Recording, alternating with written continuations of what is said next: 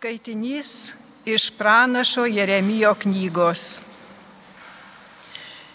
Jeremijas kalbėjo, girdžiu minioje šnapždant, klaikas visur, įskūskite jį, įskūskime jį. Juk visi mano tariami bičiuliai laukia, kad padaryčiau klaidingą žingsnį galbūt jis įsipainios į pinklės, tada jis bus mūsų rankose, galėsime jam atsikeršyti.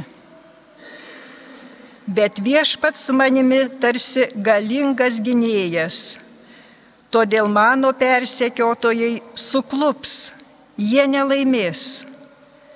Baisi gėda juos lydės, nes jiems negali pavykti vien amžiną, nepraeinančią negarbę užsitraukė. Galybių viešpatie, tu ištiri teisųjį, permatai jausmus ir širdį. Leisk man matyti, kaip jiems atkeršysi, nes tau patikėjau savoje bėdą.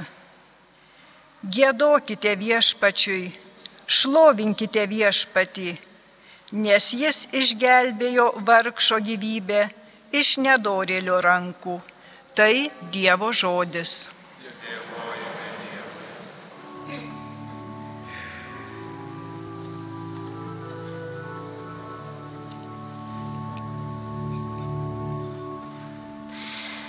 Dėkoju, kad taip stebuklingai mane tu sukūrei.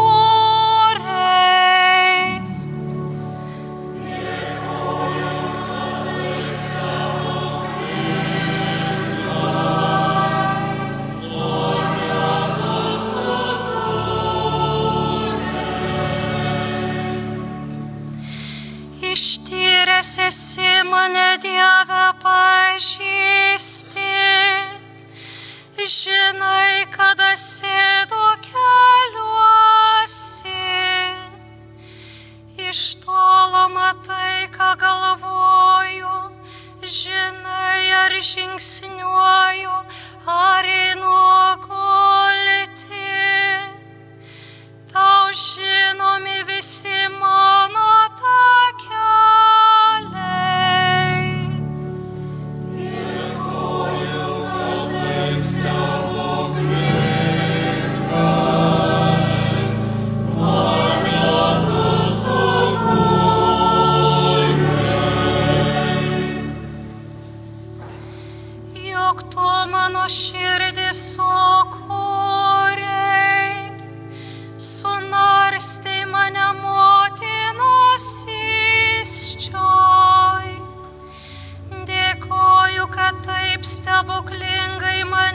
sukūrei, kad visi tavo darbai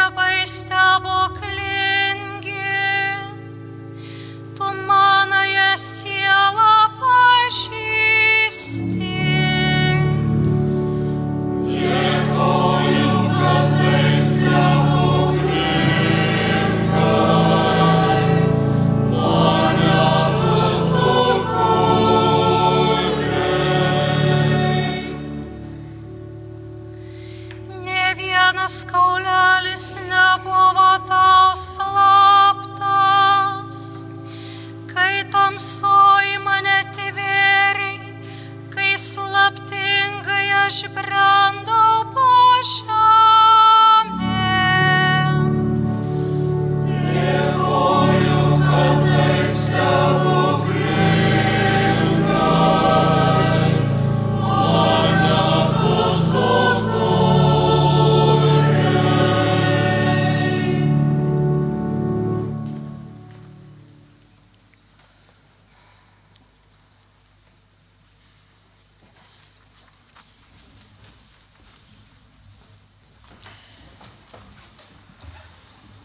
Skaitinys iš Šventojo Apaštalo Pauliaus laiško romiečiams.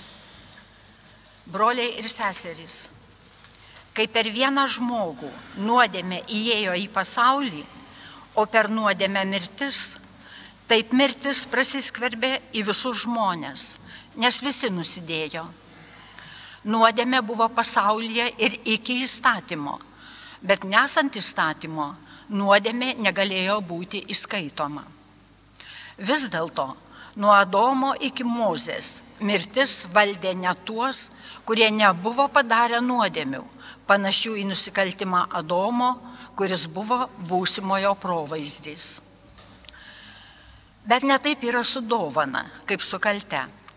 Jei dėl vieno žmogaus nusidėjimo turėjo mirti daugelis, tai dar labiau Dievo malonė ir vieno žmogaus, Jėzaus Kristaus malonės dovana su kaupu atiteko daugybei.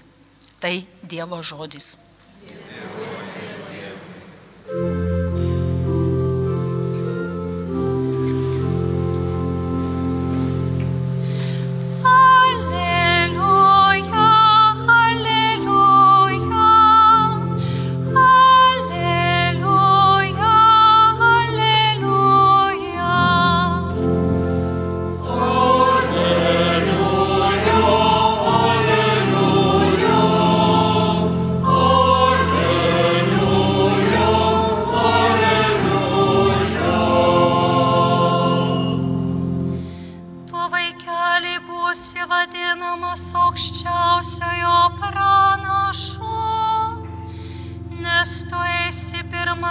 viešpaties, jam kelio nuoties.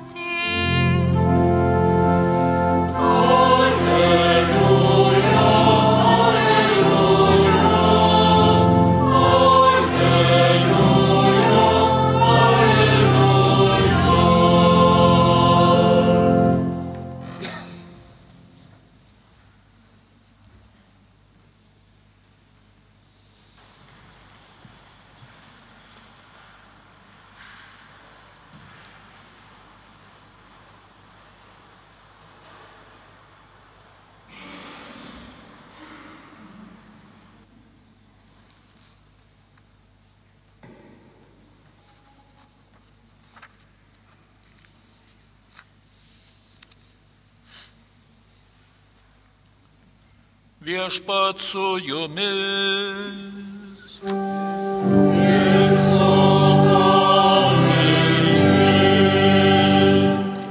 Pasiklausykite Šventojios Evangelijos pagal matą.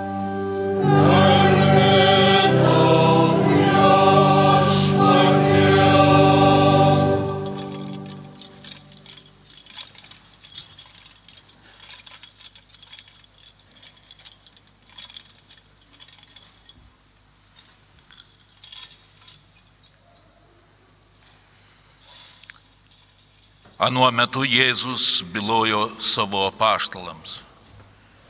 Nebijokite žmonių, juk nėra nieko uždengta, kas nebus atidengta, ir nieko paslėpta, kas nepasidarys žinoma. Ką jums kalbu tamsoje, sakykite vidur dienos ir ką šnipždu jausį, garsiai skelbkite nuo stogų. Nebijokite tų, kurie žudo kūną, bet negali užmušti sielos. Verčiau bijokite to, kuris gali pražudyti ir sielą, ir kūną pragare. Argi nedu žvirbliai parduodami už skatiką? Ir vis dėlto ne vienas iš jų nekrinta žemėn be jūsų tėvo valios o jūsų net visi galvos plaukai suskaityti. Tad nebijokite, jūs vertesni už daugybę žvirblių. Kas išpažins mane žmonių akivaizdoje ir aš jį išpažinsiu savo dangiškojo tėvo akivaizdoje. O kas išsigins manęs žmonių akivaizdoje, ir aš jo išsiginsiu savo dangiškojo tėvo akivaizdoje. Girdėjote viešpaties žodį.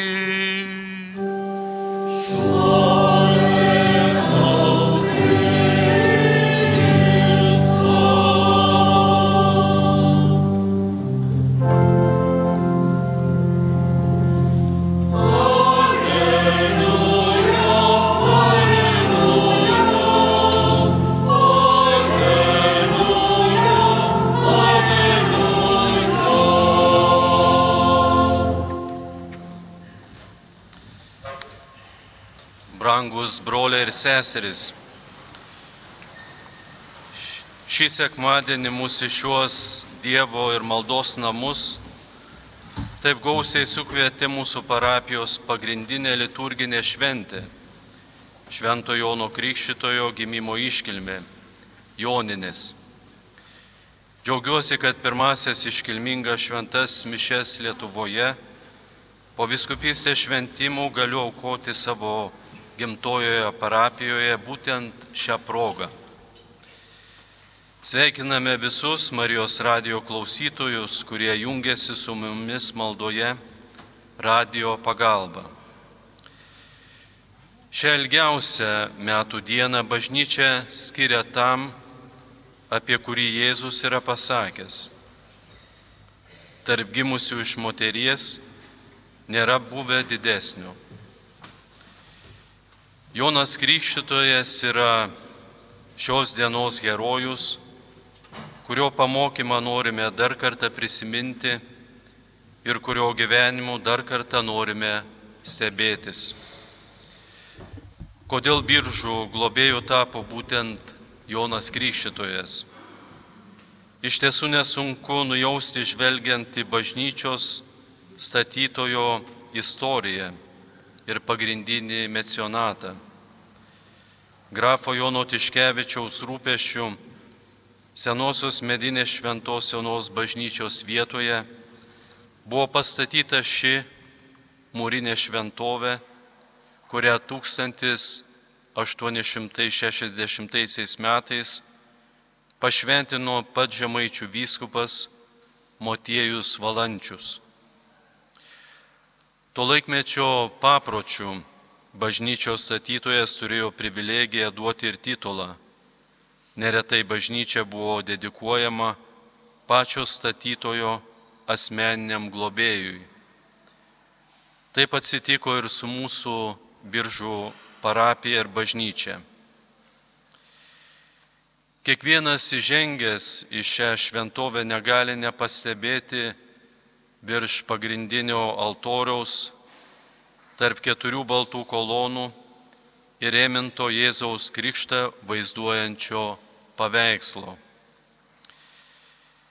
Jėzus nuolankiai nuleidęs galvą ir ant krūtinės sukryžiavęs rankas, priima iš paskutiniojo Senojo testamento pranašo Jono Krikštytojo rankų atgailos krikštą.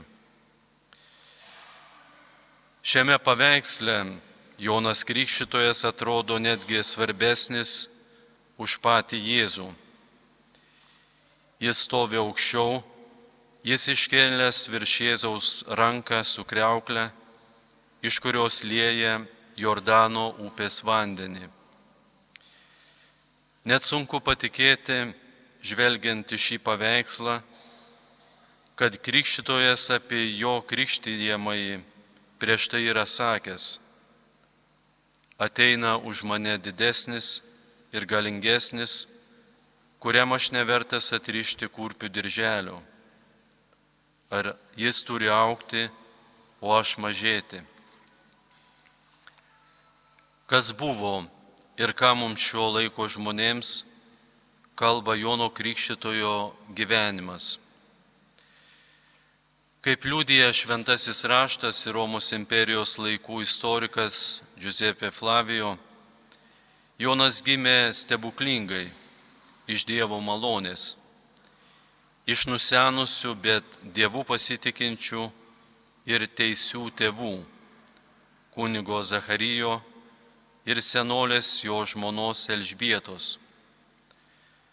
Pats vardas Jonas hebrajų kalboje reiškia Dievas teikia malonę. Religiškai jis jį auklėjo dikumoje įsikūrę atsiskyrėliai. Kaip nazirietis augino ilgus plaukus, negerdavo svaigalų ir maitindavosi dikumos maistu skeriais bei lauko medumi. Kaip ir daugelis praeities pranašų vilkėjo kupranugario kailių. Pamokslaudamas apie atsivertimą ir krikščydamas, būrė aplink save žmonės, kurie su nuolankumu ir atgaila laukia Dievo pažadėtojo, Mesijo ir Dievo išganimo dienos. Jonas Krikščitojas per savo trumpą gyvenimą, skirtingai negu daugelis bažnyčios minimų šventųjų, nepadarė ne vieno stebuklo, neišgydė stebuklingai ligonių, neprikėlė mirusių, bet ne vieną išgydė nuo dvasinių lygų ir ne vieną prikėlė naujam tikėjimo gyvenimui. Kai Jordano dikumoje sutiko Jėzų, ragino savo mokinius pereiti pas Jėzų ir tapti jo mokiniais. Tačiau pats netapo vienu iš Jėzaus mokinių, nors logiškai galvojant, taip turėjo įvykti. Buvo suimtas, nes romėnų valdžia kėlė pavojų, besibūrenčios aplink jį atgailaujančių žmonių minios.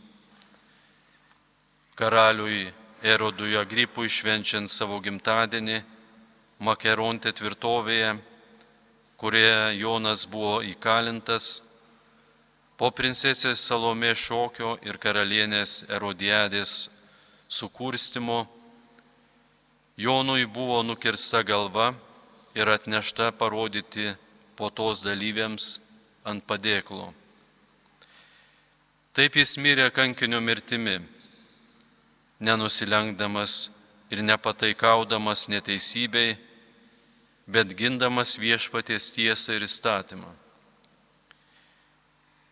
Ko mus gali pamokyti Jonas Krikščitojas mūsų parapijos globėjas.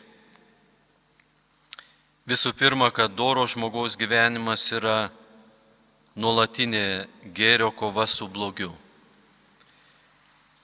kuri neaplenkė nei jauno, nei seno, nei turtingo, nei vargšo.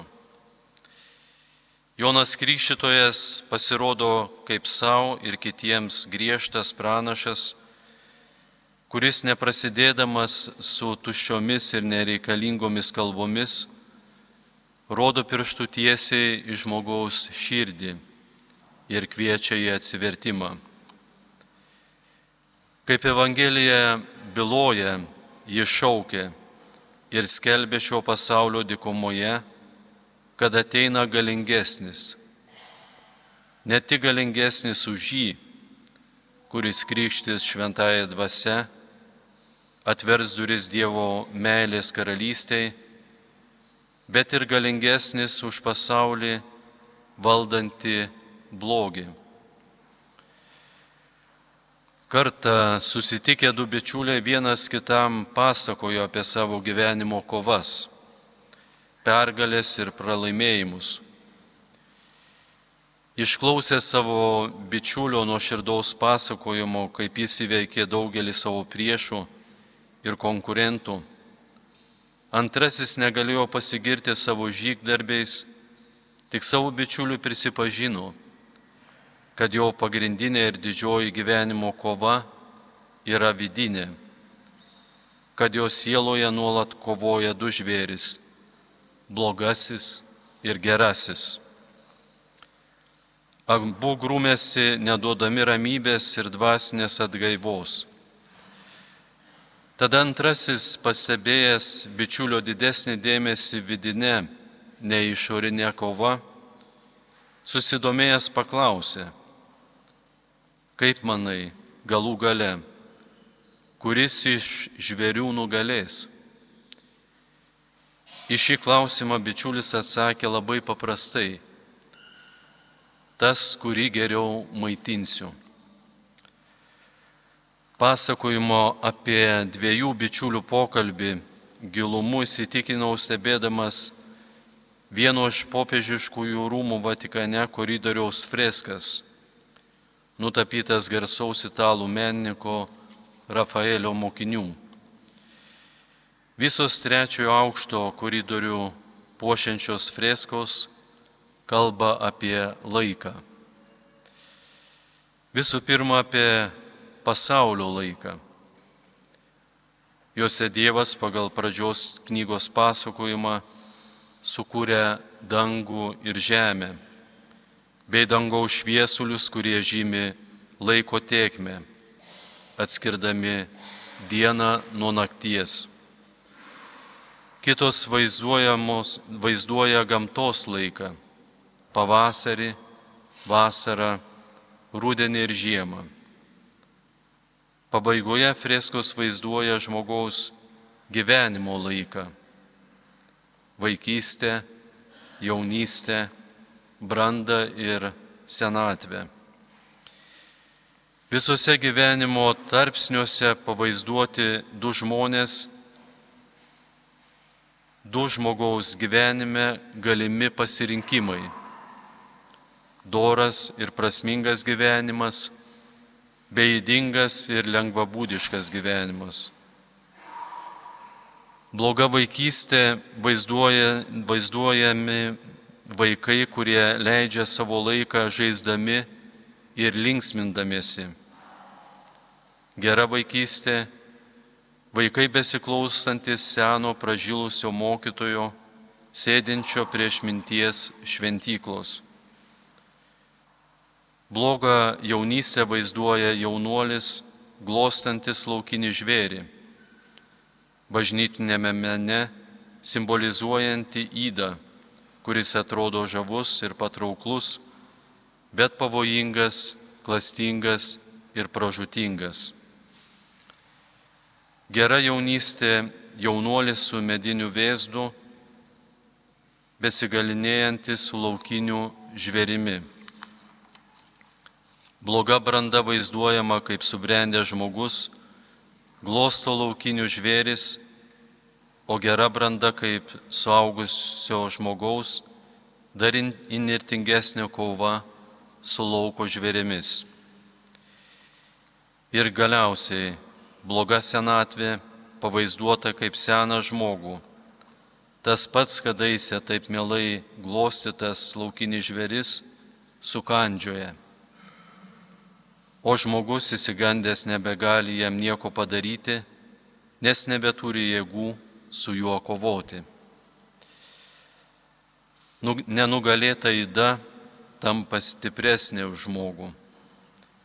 Geroji senatvė pavaizduota kaip senas žmogus, žvelgia iš šalia savęs gulinti, nugalėta nugaišusi laukinį žvėrį. Talentingas menininkas šiuo išraiškingu meno kūriniu kiekvienam ten praeinančiam žmogui primena, kad kova su blogiu, su įdomis, su neteisybėmis tęsiasi visą žmogaus gyvenimą. Tik amžiaus pabaigoje pasirodo, kas buvo stipresnis - ar įda, ar žmogaus valia, pasiryžimas ir tikėjimas.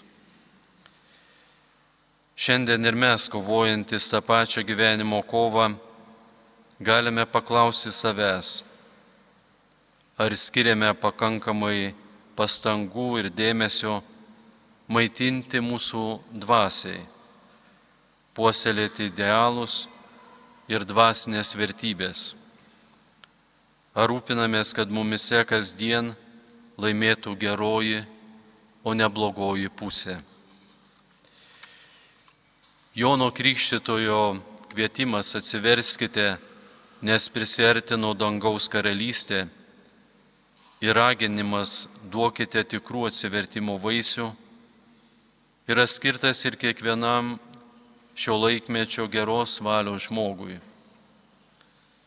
Atsiversti nereiškia vien radikaliai kažką pasiryšti, daryti geriau, gyventi tiesa, bet ir kasdieną grėžtis nuo blogio, nuo pykčio ir nuo netiesos. Kasdieninė malda, mūsų asmeninis, asmeninis ryšys su Dievu yra mūsų sielos maistas, taip pat būtinas ir reikalingas, kaip ir valgis, palaikantis ir stiprinantis mūsų kūno jėgas. Tik jei apetitas maistui su amžiumi mažėja, dvasinis apetitas, dangaus troškimas. Priešingai, Dievą mylinčiame žmoguje tik auga ir stiprėja. Mūsų šios dienos malda te sustiprina kilnių norų ir darbų troškimą. Ir mūsų globėjas, šventasis Jonas Krikščitojas, žvelgiantis į mus ne vien iš centrinio mūsų bažnyčios altoriaus, paveikslo, bet ir iš aukštų dangaus, tegul mus lydi ir tegul mus užtaria. Amen.